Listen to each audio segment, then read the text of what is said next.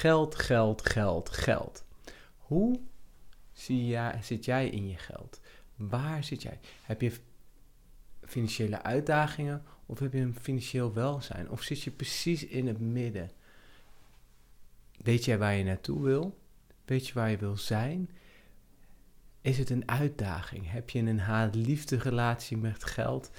Allemaal vragen. Maar begin bij te begrijpen welk niveau, waar jij staat op jouw reis met betrekking tot geld en waar je naartoe wil. Welkom, dit is Man Search for Wealth. Mijn reis naar gezond, gelukkig en financieel vrij leven. Ik zie geld als een middel. Het is een middel om ruilhandel te doen. Je kan er iets mee kopen. Geld geeft je een bepaalde vrijheid om te doen en te laten wat jij wil. En wat ik interessant vind is, wat gaan we doen met al dat geld? En uh, de afgelopen podcast heb ik het eigenlijk heel weinig over geld gehad. En het heeft een, een reden. Omdat ik geloof dat geld heeft alles te maken met de science of achieving. En het is eh, als het ware een soort stappenplan wat je gaat uitvoeren. Je gaat op zoek naar iets wat voor jou werkt en dat voer je uit. Daar ga je 100% voor. En als je dat doet, dan komt dat geld wel. Als jij iets kan doen wat je vol passie, vol energie doet, dan komt dat geld wel. En daarom heb ik me veel meer gefocust op gezondheid en ehm, geluk en voldoening, passie omdat ik geloof dat als je die twee onder de knie hebt, als je daarop floreert, dat het financiële stuk vanzelf komt. Waarom kan een ene kunstenaar honderden duizenden euro's vragen voor een kunstwerk, terwijl iemand anders dat niet kan en misschien uh, niet rond kan komen van de kunst? Dat is één, zijn passie, zijn gedrevenheid, maar ook de manier hoe die overkomt, zijn uitstraling, zijn bepaalde energie. En daarom denk ik dat die twee veel belangrijker zijn. En dat als jij dat goed op orde hebt, zelfs in het meest moeilijke beroep, is er geld te verdienen. Alleen je moet wel de energie, de passie, de gedrevenheid hebben om dat naar je toe te trekken, om je het te kunnen pakken. Nou, laten we het hebben over ehm, ehm, eh, ehm, geld en vooral waar zit ik in mijn financiële reis. Ik zie eigenlijk twee categorieën, of drie. Ehm, je hebt zeg maar financiële uitdaging en financiële welzijn. En in het midden heb je een stukje financiële zekerheid. Nou, laten we eens kijken naar het onderste niveau. En ik, ik heb echt een geweldig leuk gesprek uh, vanochtend vroeg gehad met mijn, uh, mijn oudste zoon. En die zei: Papa, ik heb niet genoeg centjes. Dus ik zei, nou, wat kan je eraan doen? Je kan net uh, wat kan je eraan doen? Dan zei hij, weet ik niet. Jij moet mij centjes geven. Ik zeg, nou, dat gaat papa niet doen. Dus wat kan je nog meer doen? Nou, een beetje heen en weer. En uh, toen zei ik, nou, je kan ook gaan werken. En toen zei hij, nee, ik ga naar de kindjes, ik kan nog niet werken. Ik zei, oh, maar waarom niet? Zo verdienen papa en mama centjes. Nee, jij moet mij je centjes geven. Um, ik kon daar wel van genieten, gewoon die logica ehm, die hij uh, had. Dus um, uh, heel duidelijk voorbeeld van het laagste niveau. Wat je kan, hij is financieel afhankelijk. Voor alles wat hij wil, heeft hij in principe ons nodig. Hij heeft wel wat zakgeld, maar dat wil hij niet uitgeven. Maar hij vraagt mij om centjes omdat hij bepaalde dingen wil. En hij had laatst door dat je met centjes kan je dingen in de winkel kopen. Um, en dat is interessant, want dan kan je speelgoedjes kopen die je graag wil. Dat is dus het laagste level, financieel afhankelijk. Daarna komt eigenlijk survival. En survival is um, meer, ja, je hebt iets van inkomsten, het is, maar het is eigenlijk niet genoeg. Er, gaan, komen constant rekeningen binnen en het is gewoon eigenlijk elke maand spannend. En als je iets niet wil, is spannend en financiën. Dat is voor mij geen goede combinatie. Ik ben liever financieel saai zeg maar. Dan hoef je daar in ieder niet druk over te maken. Heb je energie om andere dingen te gaan doen. Maar goed, uh, survival is, spannend. Dus je krijgt rekening als je wasmachine kapot gaat. Moet je gaan uitzoeken hoe je dat gaat doen. Uh, het is gewoon uitvinden. Wat uh, uitvinden elke maand. Hoe ga ik deze maand overleven? Daarna heb je financieel stabiel. en dat klinkt misschien leuk. Het enige in mijn essentie wat het weghaalt is, ja, je hebt een inkomsten en je uitgaven zijn ongeveer gelijk. Je houdt de ene maand iets over en de andere maand geef je iets meer uit, maar onderaan de streep blijft er eigenlijk niks over. Je hebt geen ruimte om buffers op te bouwen. Dit zijn, wat mij betreft, de drie niveaus van financiële uitdaging. Het, je zit gewoon, het, blijft een beetje een struggle. Je blijft altijd maar een beetje tegen de rivier inroeien in plaats van dat je met de stroom meegaat. Het zal altijd een uitdaging blijven. En dit zal ook een impact hebben op jouw geluksniveau. Want als jij uh, moeite hebt om je rekeningen te betalen, dan uh, zal je altijd een soort stress ervaren. Je kan maar zeggen, ja, eh, geld is niet belangrijk, geen financiële stress. Maar geef je toch een bepaald gevoel. Want jij weet onderbewust, weet je donders goed, ik moet dit betalen, want anders gaat er een ander deel van mijn uh, zekerheid waarschijnlijk weg. Bijvoorbeeld huis boven je hoofd, of het dak boven je hoofd, uh, voedsel op de tafel. Nou, die onzekerheid, dat uh, is voor niemand fijn en dat geeft iedereen stress. Nou, daarnaast heb je eigenlijk middenniveau, dat is financiële veiligheid. Dat betekent dat je eindelijk de ruimte hebt om ook naast dat je de standaard dingen in de maand hebt gedaan, ook wat geld overhoudt om te gaan sparen. Voor sommige mensen is sparen heel moeilijk. En ik moet meteen denken aan een uh, collega die zei: Goh, um, ik heb altijd meer uh, dagen in de maand dan dat ik geld heb. En die zei: um, En dat heb ik eigenlijk altijd. Nou, dat is een onbelemmerende overtuiging. Daar kan je mee aan de slag. Maar um, wat hij aangaf was: Ik heb altijd, maakt niet uit hoeveel geld, het gaat altijd op. Uh, en daar zijn natuurlijk allemaal trucjes voor om slim te sparen. Zodat je niet het gevoel hebt van: oké, de maand is voorbij en ik heb nu weer niet gespaard, maar dat je het juist omdraait. De maand begint en ik heb gespaard, dus nu kan ik alles uitgeven wat ik heb. Nou, dat is niet de strategie. Uh, ik ben meer de andere kant. Ik heb meestal uh, geld over aan het einde van de maand. Dus ik heb meer geld dan dagen in de maand zijn. Wat ik zelf heel fijn vind, want dat geeft mij kans om meer te investeren in van alles en nog wat.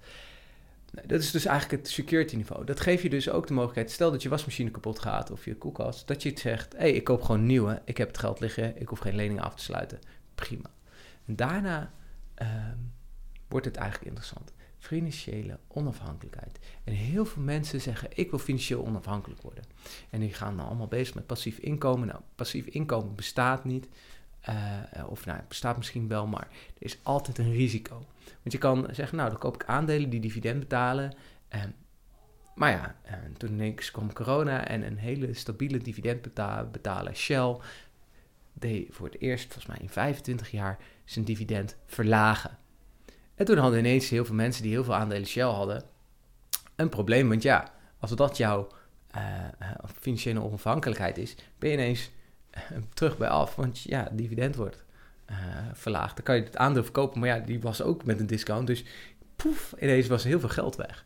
Nou, dat is natuurlijk iets wat je niet wil. Maar die financiële onafhankelijkheid is wel een super interessant niveau. Um, en dat kan je op verschillende manieren bereiken. Nou, daar ga ik deze aflevering niet op in, want dan wordt het een hele lange aflevering, dat wil ik voorkomen. Maar wat houdt het dan in? Financiële onafhankelijkheid is voor mij niet moeten, maar mogen. Dus je mag werken, maar het hoeft niet meer. Dus je hebt eigenlijk, is dat niveau, uh, stel je geeft per jaar 30.000 euro heb je aan kosten. Dat bedrag krijg je eigenlijk gewoon elk jaar door middel van je rendement. En een van de regels is dat je ongeveer 25 keer je uitgaven moet hebben. Dus bij 30.000 is dat 750.000 euro. En daar ongeveer een rendement van 5%, wat realistisch is. Dan zou je ongeveer op die 30.000 euro uit moeten komen.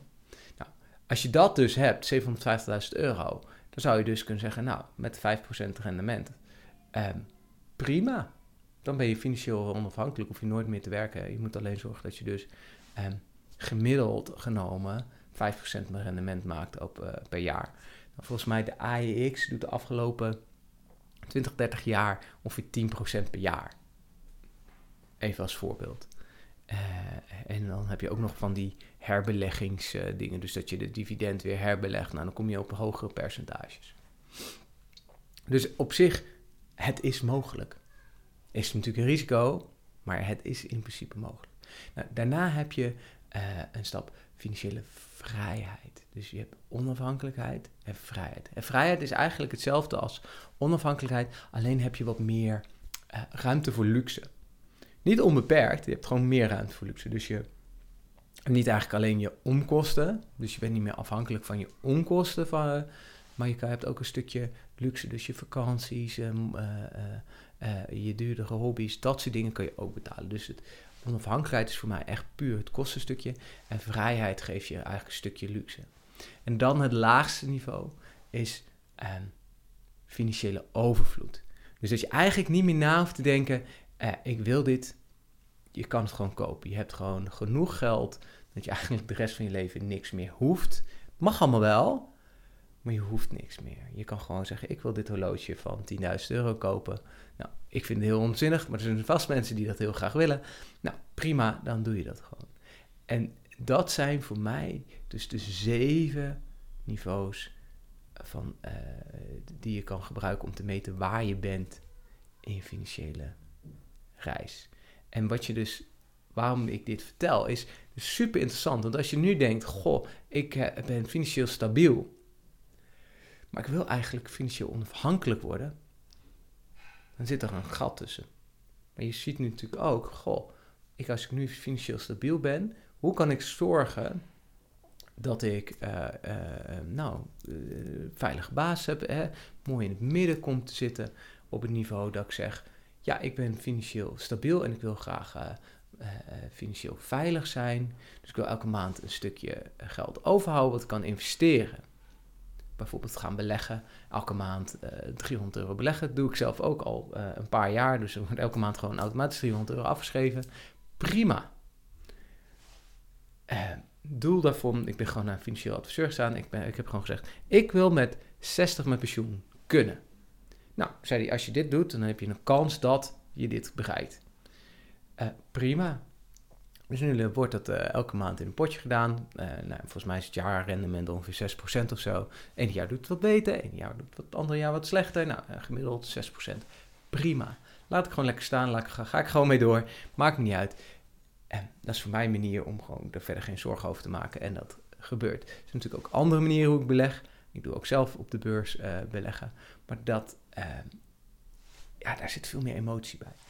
Dus dat is voor mij een stapje om, zeg maar, uh, in die hè, van stabiel naar dingen. Zorg dat je wat ruimte hebt, zorg dat je wat kan investeren.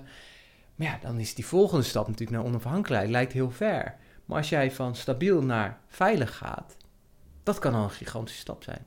En maar als jij kan zeggen, goh, uh, ik heb geen 30.000 per jaar nodig, maar ik heb maar 20.000 per jaar nodig. hey, dat maakt dus ineens een verschil. Als jij 20.000, dan heb je 250.000 euro minder nodig. Dan heb je maar 5, eh, 5 ton nodig. Nou, is natuurlijk nog steeds veel geld. Maar, um, nou ja, weet je, dat klinkt al een stuk realistischer. En uh, dus er zijn twee manieren hoe je dus van stapje naar stapje. En belangrijk is blijven investeren. Blijven investeren, blijven groeien. En niet, ja, je, het is hè, het science zorgen dat er meer inkomt dan dat er uitgaat. En dan kom je er vanzelf. Alleen gaat het misschien nog niet zo snel als je zou willen. Maar dat is een soort kettingreactie als je elke keer blijft investeren, investeren, investeren. Dat kan zijn in jezelf, zodat je steeds meer salaris kan vragen. Het kan zijn met beleggingen. Het kan zijn met andere manieren. Wat bij jou past. Nou, dankjewel voor het luisteren. Heb je hier vragen over? Neem dan gerust contact met mij op. Ik vind het een superleuk onderwerp om over te praten. Dankjewel voor het kijken of luisteren naar deze episode. Vond je het een inspirerende of interessante episode?